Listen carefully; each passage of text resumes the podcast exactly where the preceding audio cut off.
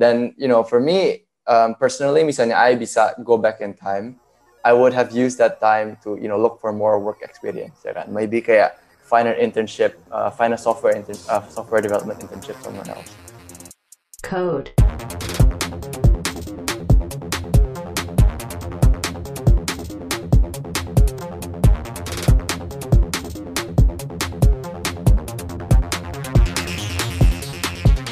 What's up Digicode? We will be sharing real interesting stories, insightful experiences, and new knowledge from outstanding Digitech speakers.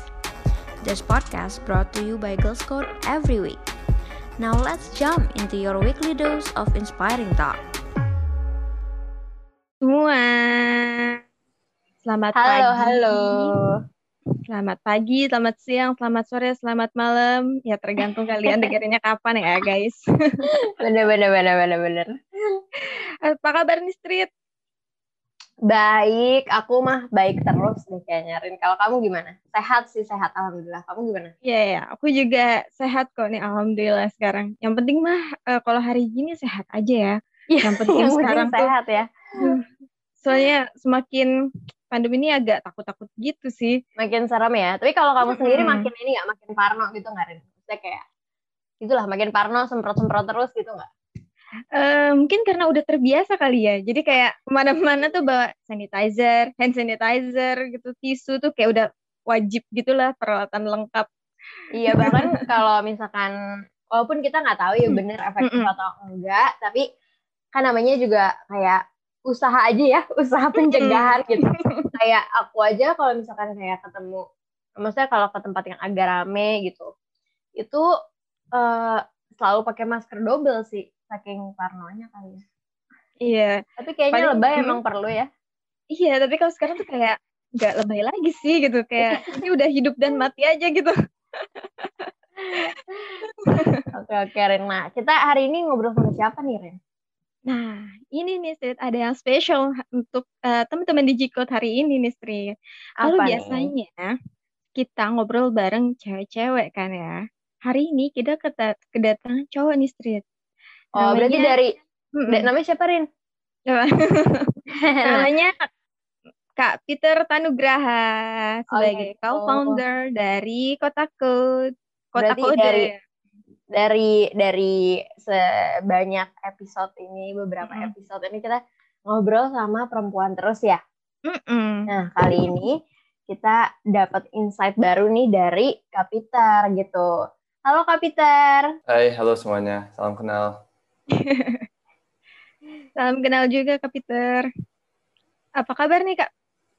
Baik, baik. Baik, sama ya. Kalau kayak lagi pandemi gini ya kebanyakan kita work from work from home lah ya, kira-kira. Hmm. Koneksi internet harus bagus ya Kapiter ya. Oh iya, harus bagus. Ini udah siap-siap nih, kayak sebelum mau ada call kayak gini. Pastiin dulu internetnya jalan. Udah dites-tes dulu, apa namanya, audio. Pokoknya banyak lah ya Kak persiapan. Iya, Gimana Kak Peter sehat hari ini Kak? baik, baik. Um, saya kan memang orangnya pagi ya, makanya Hmm. kemarin saya request uh, ketemuannya meetingnya pagi gitu, biar lebih fresh. Oh, morning person gitu ya Kak? Ya, ya, ya, ya. Tapi Kapiter, boleh dong Kapiter perkenalkan diri dulu nih ke teman-teman di Jikut yang mungkin belum kenal atau belum tahu sosok Kapiter ini gitu. Kapiter nih sebenarnya siapa sih gitu. Oke, boleh, boleh. Mungkin santai aja kali ya ngomongannya. Iya. Iya, Ya, iya. jadi um, hai semuanya. Nama saya Peter. Saya adalah salah satu co-founder dari uh, kotakode.com. Um, mungkin sebagai quick introduction ya, Kotakode itu uh, kita adalah sebuah uh, application, online application untuk programmer di Indonesia. Nah, jadi um, kita ini memiliki beberapa fitur. Uh, yang pertama kita ada forum Q&A. Jadi mungkin misalnya orang pemula, uh, programmer pemula yang ingin baru belajar coding dan mereka ada pertanyaan, mereka juga bisa uh, tanya di forum uh, kita. Dan juga, um, tapi misalnya kalian juga udah pro, silakan juga kontribusi dan uh, mendapatkan poin, sekaligus bantu teman-teman yang lain yang mungkin baru belajar. Um, yang kedua, kita juga ada sebuah blogging platform ya. Um, platform blogging ini um, bisa untuk sharing-sharing juga uh, about the latest uh, technical, you know, tech, tech stuff Um, dan juga juga sharing-sharing tutorial and all that. Um, and finally kita juga lagi nge-build sebuah job job platform. Uh, tapi ini kita lagi still on the in the process, and we're planning to release it maybe sometime this year, uh, mid uh, kayak around June, June or July. So yeah, thank you. Oke, menarik banget nih uh, si kotak kode ini. Kayaknya sangat membantu gitu untuk pemula-pemula uh, programmer-programmer pemula ya kak. Nah kak, kalau misalkan uh, aku tanya sedikit nih kak, uh, inspirasinya untuk ngebangun kota kode itu apa sih kak? Ya jadi kan um, gimana ya, lebih lebih karena ada ada sebuah cerita sih. Jadi kan gini, cerita kan dulu kan saya kan aktif di Stack Overflow ya. Saya yakin hmm. kita semua programmer kita pasti uh, familiar lah sama apa sih Stack Overflow. Banget. Ya kan? Pasti udah pernah buka lah. Nah, yeah saya itu dulu di situ tuh sebagai kontributor, saya tuh suka ngebantu-bantu orang lain di Stack Overflow. Apa kata um, suatu hari ini ketika saya lagi browsing di Stack Overflow, saya ada lihat um, sebuah pertanyaan yang diajuin tuh uh, orang Indo. Dari namanya kan kelihatan tuh username-nya tuh. Hmm. Um, kayak it's an Indonesian username lah. Hmm. Nah, terus dari situ pokoknya um, dari ketika saya lihat pertanyaan itu tuh bahasa dia punya language-nya tuh ketahuan banget kalau ini orang tuh menggunakan Google Translate gitu dan bahasanya tuh susah banget dimengertikan. Oke. Okay. Um, terus ya, as, uh, I'm sure you guys know kalau di Stack Overflow gitu kan mereka kan lumayan galak-galak ya komunitasnya ya. Nah jadi tuh di situ tuh diomelin um, sama si um, other community membernya. Eh kamu kok bikin pertanyaan kok um, susah dipengerti gitu kan kalian kan menggunakan platform yang istilahnya you know you're using an English based platform so you know we expect kalau kalian punya uh, kamu punya pertanyaan itu bisa dimengerti gitu. Hmm. Apa kata ini orang diserang sama banyak um, komunitas member lainnya sampai akhirnya dia take down pertanyaannya. Dia nggak jadi nanya tuh. Um, dari situ, you know, um, me just being curious, I I penasaran aja kan. Eh, masa masa susah ini sih buat orang Indo kan kalau mau nanya gitu uh, apa like why do they have to go through all this gitu menurut aku kan. Hmm. kayak jadi dari situ aku nggak tanya-tanya temen aku tuh um, yang kerja di Indonesia sebagai yang juga kerja di bidang programming di Indonesia. Um, specifically aku nanya um, eh by the way ini kalau di Indo kalau orang mau nanya-nanya tuh di mana sih? Ya kan?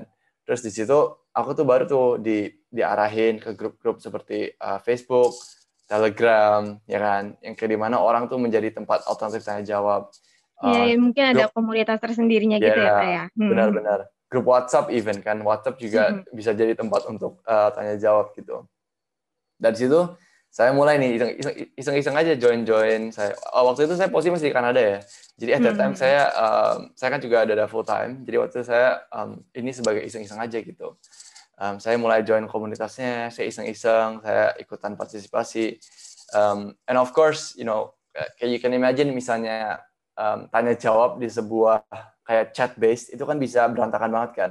Contohnya yeah, misalnya ada orang bisa nanya satu, terus ada orang lain bisa ngomong-ngomong-ngomong hal yang nggak terkait sama pertanyaannya kan lama-lama. Jadi ketumpuk ya. Benar, hmm, ketumpuk. Hmm, ketumpuk. Jadi benar. terus nggak kelihatan deh sama orang-orang yes. yang lain. Ya, sampai akhirnya dia harus reply-reply lah. Jadi itu wah berantakan banget lah. Dan suasananya itu jadi nggak nggak apa ya nggak kondusif untuk belajar gitu loh ya kan kayak whereas mm-hmm. you're trying to learn or you're trying to ask a genuine question jadinya tuh ada banyak noise banget gitu di tempatnya yeah. um, ya jadi dari situ sih aku waktu itu tektokan sama teman teman SMA aku namanya Michael Englo uh, at that time dia itu sedang bekerja di Google Canada um, wow, kita kita berdua keren. ini um, ya udah kita iseng-iseng aja um, eh let's uh, ini kita coba yuk bikin bikin kayak at that time sih kita bahasnya let's make uh, kayak Stack Overflow buat buat Indonesia gitu. Khusus um, everything is Indonesian based. Um, you know kita punya moderator juga orang Indo. Um, semua topik-topiknya mau bahasa Indo. Dan at that time pikiran kita mungkin kita bisa niche kan. Contohnya kan kalau hmm. di Indo itu kan um, you know the programming framework, programming language itu you know they they tend to settle around one bubble ya kan Uh, Jadi dari situ kita iseng aja gitu kita kita build kota kode version one um, in our own spare time. Um, terus kita rilis gitu. Kita kita make it public. Ada time aku ingat banget aku share cuma ke Facebook group. Um, kayak, eh by the way ini kalau tempat alternatif tanya jawab bisa nih ke kotakode.com gitu. Um, terus dari Facebook group itu eh lumayan uh, ingat banget kayak banyak antusias ya ya lumayan hmm. kayak ada lumayan banyak orang yang cari um, alternatif gitu kan. Ada yang tiba-tiba pada sign up um, and and you know kayak before I know it some people start asking question gitu loh. And obviously kan pasti awalnya banyak bug ya kan. And kita build Hmm. iteration from that. Um, but iya kayak that's the terus lama-lama ya eh ada juga nih potential for for growth kan di kota kode kan. Dan juga kita juga dapat um, you know um, kayak even big uh, big big apa big companies kayak kayak yang pembelajaran gitu mereka mulai start reaching out to us ini kota kode apaan? Gitu. Kok kalian seru banget sih? Mhm. gitu. Baru situ dari uh, at that time I decided to fly back to Indo. Dan memang aku kan dari dulu kan udah udah, pengen balik ke Indo juga kan. Tapi kayak lagi cari ya you know kayak if I want to go back to Indo I wanna you know have something dulu gitu. Jadi ya kota kode sih akhirnya dikembangin. Kira-kira gitu sih brief story-nya.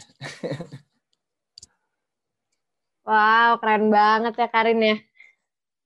Berarti kalau misalkan dari yang Kak Peter mention tadi itu mungkin kita perlu inform dulu nih ke teman-teman Digicode bahwa Kak Peter ini eh, kuliahnya di luar negeri ya Kak?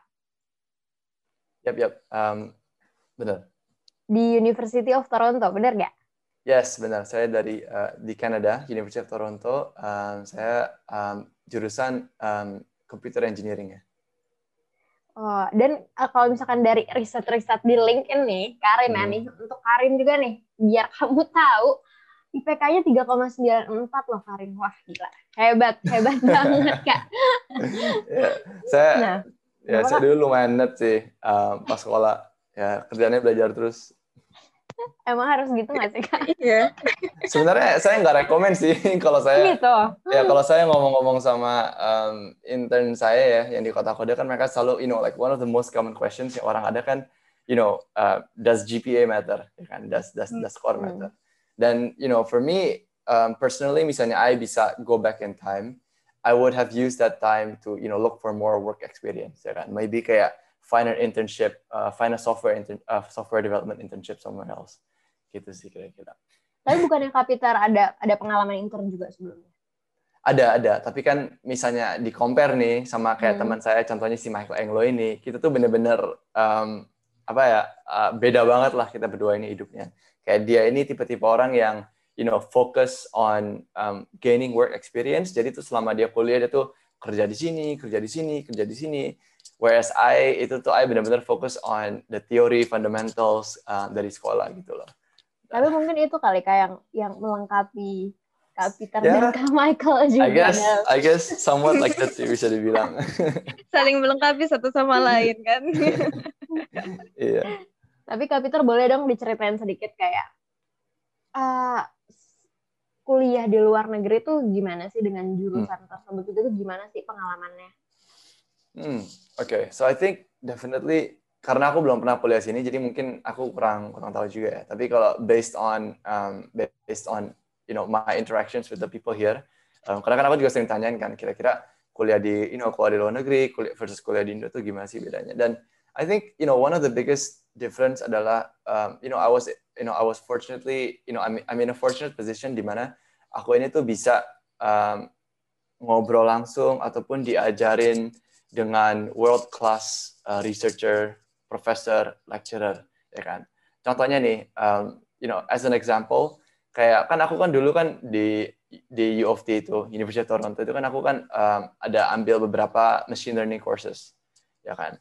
Dan kalau kalian di dalam bidang machine learning, kalian pasti nggak nggak um, you know pasti kalian tahu ada sosok namanya Jeffrey Hinton, ya kan. Jeffrey Hinton, uh, Profesor Jeffrey Hinton adalah bisa dibilang dia tuh sempat dipanggil grandfather of AI karena dia ini yang bikin AI famous again namanya Geoffrey Hinton. Dan you know what's crazy is that ketika aku di U of T aku tuh diajarin aku tuh sempat even beberapa beberapa kali di guest lecture oleh si Profesor Jeffrey Hinton ini you know the orang yang istilahnya seluruh dunia tuh kenal dia sebagai you know this grandfather of AI and you know I get the chance to you know have him like right in front of me teaching teaching me gitu dan itu cuma satu example doang kan dan, dan ada banyak lagi gitu. Kayak contohnya you know a few of the optimization course itu tuh yang bikin tuh um, contohnya nih misalnya kalian buka Python sekarang nih uh, Python kalian install TensorFlow. TensorFlow kan kayak framework for machine learning ya.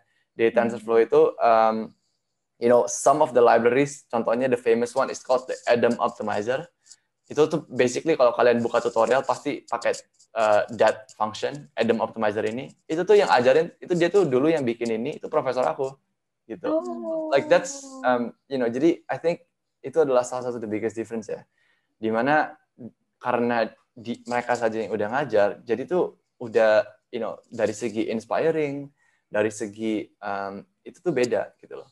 Dan kenanya juga beda sih I feel Jadi I lebih Hmm. apa namanya langsung berinteraksi dengan expertnya langsung gitu ya kak. Lebih banyak Hmm. interaksinya gitu ya.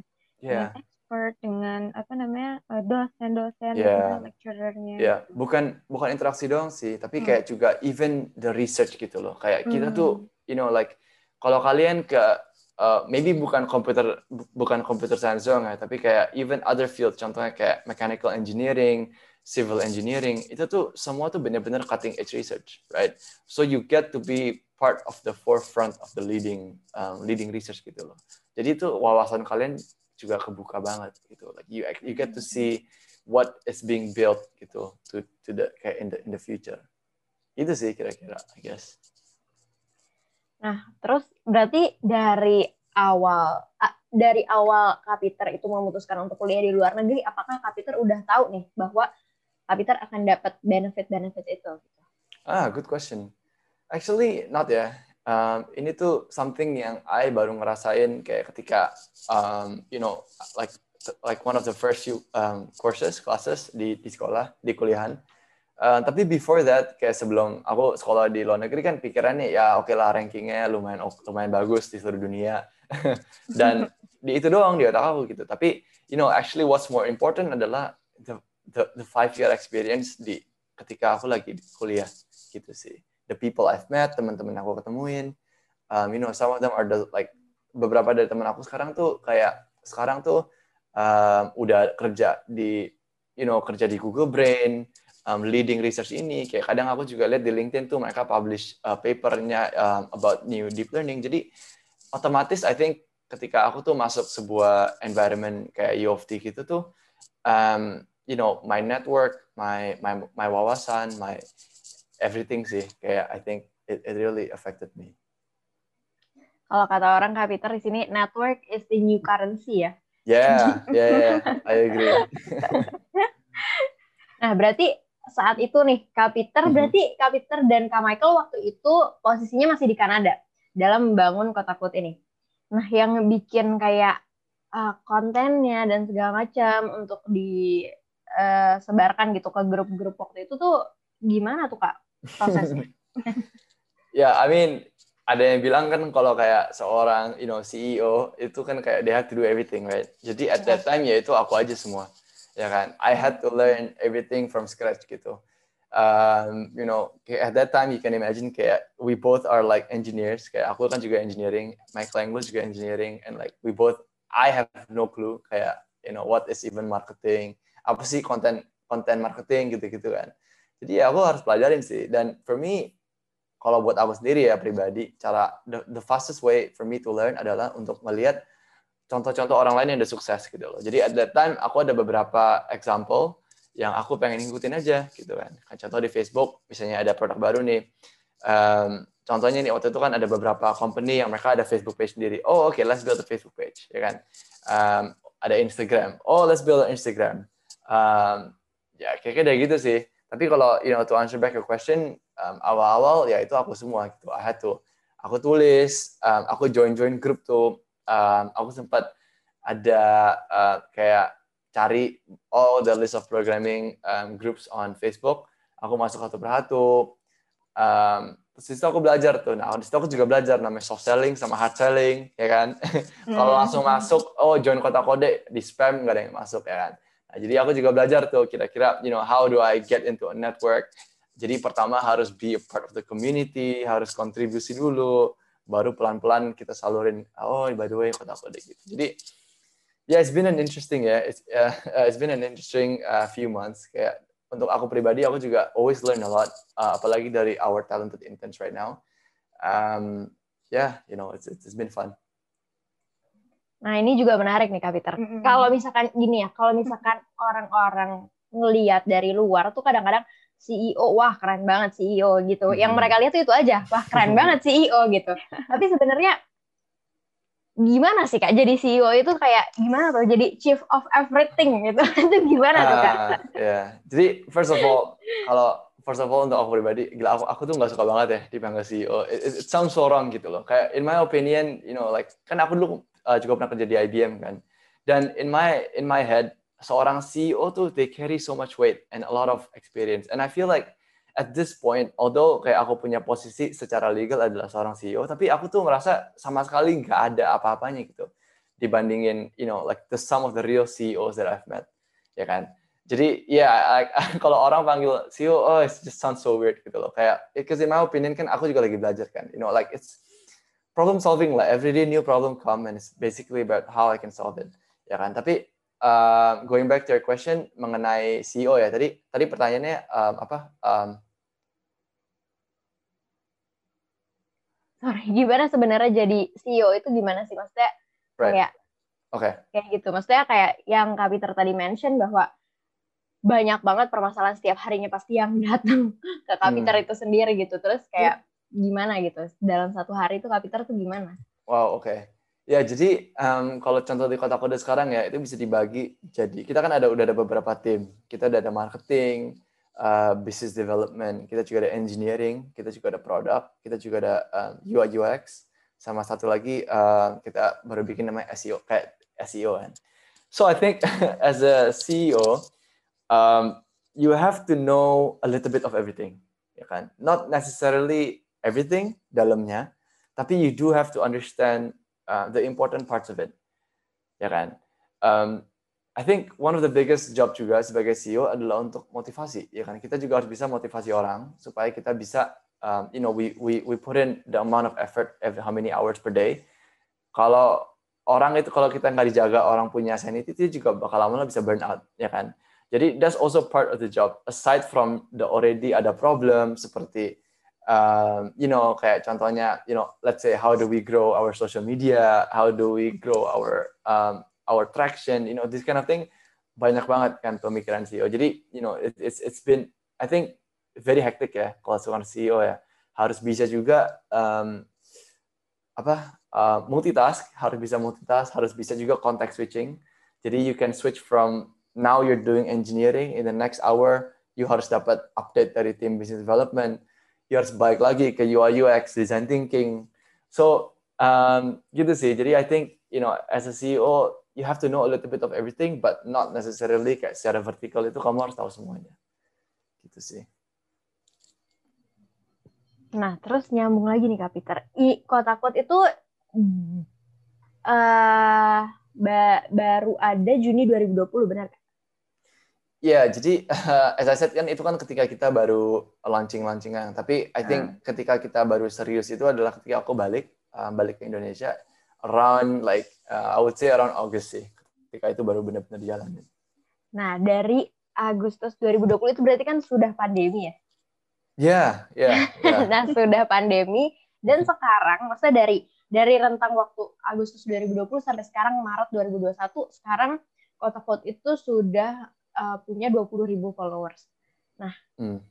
apa sih tantangannya untuk Kapiter sendiri kayak maksudnya membesarkan komunitas yang maksudnya bisa dibilang cukup berhasil gitu Kak. Udah Hmm. 20.000 followers dalam waktu yang sesingkat ini gitu di tengah Hmm. pandemi ini tuh gimana? Hmm, Oke. Ini ini Instagram kan, 20 ribu kan? Ya, Ya, apa- untuk Instagram ya. Jadi, ah oke untuk Instagram uh, gini ya. Jadi kan as I said kan I think one of the best ways for me to learn and I think for anyone in general ya adalah untuk mengambil contoh yang udah successful. Lalu kita ikutin aja gitu kan. Jadi contohnya untuk Instagram sendiri how we get ya bisa dibilang sih orang juga lumayan surprise ya kok kota kode bisa cepet banget gitu bisa sampai 20 ribu follower dan juga kita punya likes per posting itu juga ribuan ya kan even comments juga rame um, ya itu kita juga untuk aku sendiri sih pribadi um, aku selalu kasih tahu tim oke kita ada nggak nge-benchmark Instagram orang lain ya kan kita dari situ baru kita ikutin aja contohnya nih um, postingan harus konsisten. Ya kan? Every day uh, nggak boleh ada bolong. Karena um, you know Instagram punya algoritma tuh mereka they like um, accounts that are active and consistent. Ya kan? Dan juga um, dari situ baru kita tuh bisa bikin tailor beberapa post. Contohnya beberapa post untuk uh, kita bikin postingan yang narik uh, engagement, narik comment, kita bikin postingan yang um, untuk ini, kita bikin postingan. Jadi kita ada kita juga ada planningnya. Um, I think the biggest challenge ya secara secara pandemi, um, I would say itu sih karena kita semua kan work from home ya. Jadi kita juga um, secara komunikasi tuh semua harus lewat lewat Zoom lah, lewat WhatsApp call lah, which I think itu pun itu tuh jadi a little bit of an obstruction ya. Kalau kayak contohnya kan misalnya kita semua di satu office, misalnya kita ada pertanyaan, eh tolong dong ini gimana sih? Eh tolong tarikin data ini dong. Eh tolong hitungin ini Bisa dong. langsung nanya gitu ya kayak. Iya, jadi tuh you know having that kayak kita karena kita udah nggak ada luxury ini di pandemi, saya rasa itu one of the biggest drawback sih ya, karena kita nggak bisa ketemuan, um, jadi kita semua dari rumah aja gitu. Oke, nah untuk eh, tadi kan Kak Peter ini ya eh, back to CEO lagi deh jadinya. Tapi aku ada pertanyaan yang penasaran juga. Mhm. eh apa namanya? Gimana sih Kak caranya manage tim ketika eh, pandemi gini agak susah nggak Kak dengan itu? Hmm, yeah. I think the biggest key is one communication. Karena kita udah susah ketemu, so the, ob- obviously the most important thing is to maintain a constant communication with each everyone. Jadi contohnya kalau di kota kota sendiri, kita ini ada everyday kita ada call, 10 minute call, it's called a daily stand up. Di mana kita cuman um, kayak sharing aja, kayak you know, what I did yesterday, hari ini um, aku mau ngapain dan apakah aku ada kendala, gitu loh. Uh, you know, having that simple 10 minute meeting per day itu tuh udah membuka sebuah kayak room di mana orang tuh bisa langsung tektokan. Oh ya, by the way, eh, nanti ini aku perlu ini ya. Nanti kita bisa kita call lagi ya, gitu loh. Jadi having that constant um, time period untuk kita semua bisa kumpul tuh itu helpful banget. Um, number two juga, you know, definitely um, uh, yaitu uh, apa kita harus make sure kalau kita ini saling membantu. Jadi for me personally di di grup kita masing-masing di kota kode ini aku selalu kasih tahu mereka eh by the way ini kita semua kalau ada pertanyaan langsung tanya ya jangan malu-malu gitu loh jadi kita juga be open and transparent gitu loh you wanna know you wanna ask about anything silahkan juga lempar di grup aja gitu jadi semua orang bisa baca ya kan Uh, kira-kira gitu sih Kalau dari timnya sendiri sebenarnya udah berapa orang sih Kak Peter? Ah, oke, kita I think udah around 23 ya, 23 people. Uh, ada combination dari full time dan juga ada beberapa intern. Banyak juga ya. Iya, lumayan ya udah 30-an orang ya. 20 tadi. Eh iya, 20. 20-an orang. Lumayan, lumayan banyak. Nah, tapi kalau misalkan goals ke depannya dari kota kota nih apa Kak Peter?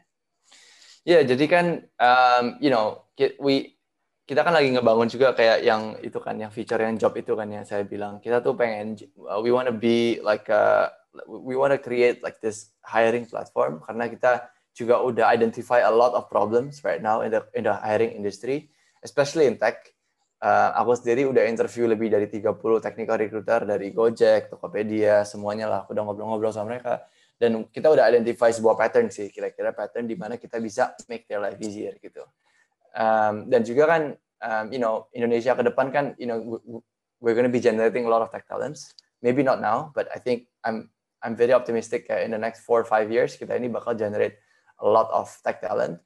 Um, jadi, you know, kota kode kita tuh mau menjadi sebuah apa ya, sebuah wadah gitulah untuk programmer semua bisa join kita. You know, you mau um, you wanna get more con, ya kayak you pengen belajar, you pengen um, you pengen uh, increase your personal branding, you ingin cari kerjaan, itu tuh semua di kota kode gitu kira-kira. Wah, berarti upcoming programnya juga banyak ya Kak Peter ya. Ya, yap yap yap. Ada beberapa. Tapi kalau misalkan boleh di-mention lagi nih Kak Peter, kayak program-program yang sekarang ada yang menarik banget mungkin untuk kayak fresh graduate apa, untuk yang masih kuliah apa gitu, atau untuk yang baru-baru kerja tuh apa gitu. Boleh di-mention lagi Kak Peter. Program apa tuh? Kayak program kayak gimana? Program-program yang dimilikin Kota Code. Oh, maksudnya kayak uh, feature-feature-nya gitu. Ya, betul. Iya. I see. Kalau feature-feature-nya kan, um, I guess kalau untuk orang kuliah ya, kan mereka kan pasti, um, you know, after kuliah kan pasti mereka udah mau cari kerja. Jadi personal branding is an important thing.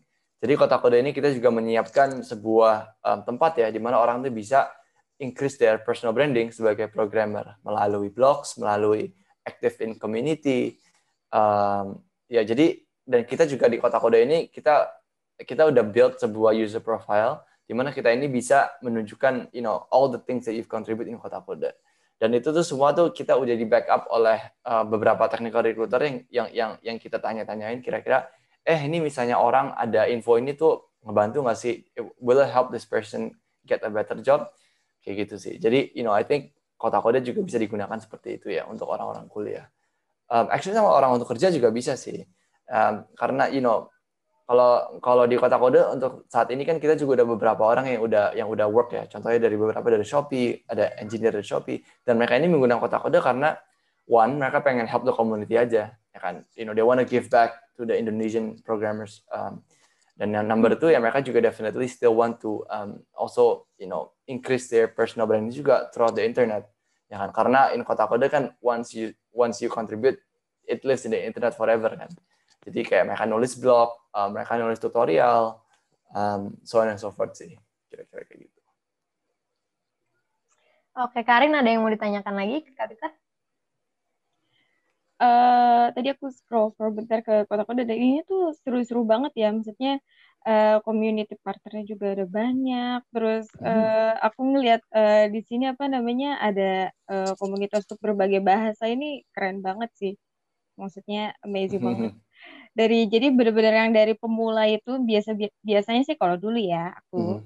uh, pas masih kuliah sih emang benar-benar kayak yang nyari anak Stack Overflow banget lah ya. Lihat dari situ itu benar-benar uh, kesempatan bagus buat teman-teman di G-Code yang uh, misalnya lagi belajar atau mulai programming atau bahkan kalau pas kita masih kerja itu kita masih masih apa namanya nyari-nyari cara-cara gimana caranya bisa begini begitu memecahkan berbagai masalah itu juga masih gitu. Hmm, maksud aku keren banget sih. Nah, Kak Peter, boleh dong ngasih tips nih, kayak kasih tips untuk eh, anak-anak muda di Indonesia nih gimana gitu supaya bisa punya karir yang cemerlang, supaya bisa menggapai mimpinya gitu. Dari Kak Peter gimana? Tips-tipsnya. Hmm. Oke, okay. um, you know, I think kayak being part of a big huge community ya kayak kota kode dan aku kan juga join um, you know komunitas-komunitas lainnya salah satu yang yang yang yang aku temukan dari orang-orang tuh mereka tuh takut kebanyakan mereka takut ataupun mereka merasa minder gitu sama orang dari luar mm. ya kan and I think that's the biggest one of the biggest problem sih karena udah rasa takut gitu jadi mereka tuh jadi nggak nggak berani explore gitu loh padahal menurut aku tuh banyak banget orang-orang Indo tuh yang pinter banget I've met you know, you know, some of the people in my in my team di kota kode itu, they are some of the smartest engineers I've met, believe it or not, ya kan. Uh, jadi tuh, ya itu sih. Jadi definitely jangan takut dan um, you know, just keep on going aja gitu. Misalnya you mau belajar something, you want terjun ke, let's say you know, you want to jump into um, quantum computing itu juga bisa gitu loh. Gitu sih kira-kira. Berarti jangan minder atau insecure duluan ya Kapita ya. Ya, jangan Dan kayaknya itu duluan. Kayaknya itu emang ini deh, namanya uh, masalah terbesar gitu dan kayak eh, penyakit yang banyak banget dimiliki oleh anak muda sekarang itu sih insecure dalam berbagai hal gitu. Yes, benar. Nah, thank you ya Kak Peter atas insight-nya hari ini tentang kota nya gitu. Jadi untuk teman-teman Digicode yang apa ya yang bisa langsung dilihat-lihat lah habis ini lewat Instagramnya mungkin kota dan apa aja platformnya Kak Peter? Um, jadi kan kita ada website sendiri ya, kotakori.com. Um, that's our main website. Uh, tapi kita juga, you know, we exist in multiple social media. Kita juga ada, kita ada Instagram. Um, kita juga ada YouTube. Ya, kita YouTube ini, actually hari ini kita kita tiap minggu, tiap Sabtunya tuh kita ngadain sebuah acara uh, webinar, live webinar, di mana kita undang um, orang-orang keren, um, pakar-pakar programmer di Indonesia dan kita interview mereka kan. Kita juga pengen cari tahu we want to know more about them gitu. Dia adalah kita pengen inspire orang juga definitely kan. Kita pengen inspire orang. Um, dan you know for me personally I want to tell people that you know programming itu nggak gitu susah. Dan for most people karena mereka tuh lihat wah jadi programmer kayak kok jauh banget ya. But you know it's actually not that far gitu loh. Kalau kalian kayak I wanna help people kayak make kayak make, jadi kelihatan tuh kayak you know being a programmer tuh nggak gitu susah. Kamu buka YouTube aja tutorial udah banyak kan for example. Um, you know going back to Kota Talks hari ini contohnya kita ada speaker namanya uh, Veren. Uh, I, I don't know if I'm saying her name correctly. Nah dia tuh juga you know dia tuh uh, lead cyber security juga gitu. And um, you know I think if yeah, I, like we're having this very interesting talks kayak gini every week. So um, yeah, feel free to join uh, to to join our YouTube, uh, subscribe juga ke YouTube channel kita, dan juga kalau mau latest update ya follow IG kita aja sih di Kota Kode.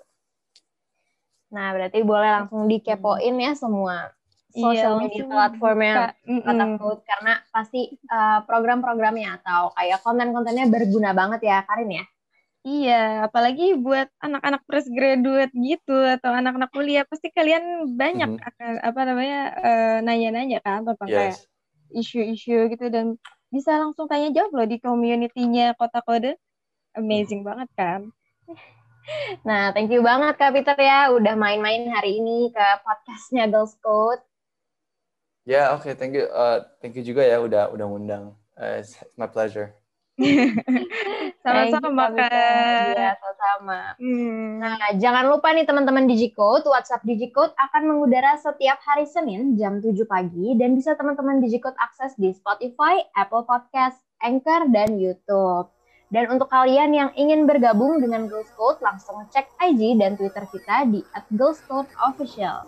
See you Digicode on our next episode. Code.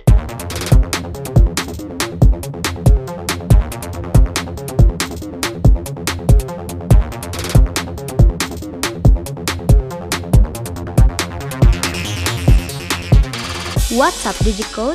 We will be sharing real interesting stories, insightful experiences, and new knowledge from outstanding Digitech speakers. This podcast brought to you by Girls Code every week. Now let's jump into your weekly dose of inspiring talk.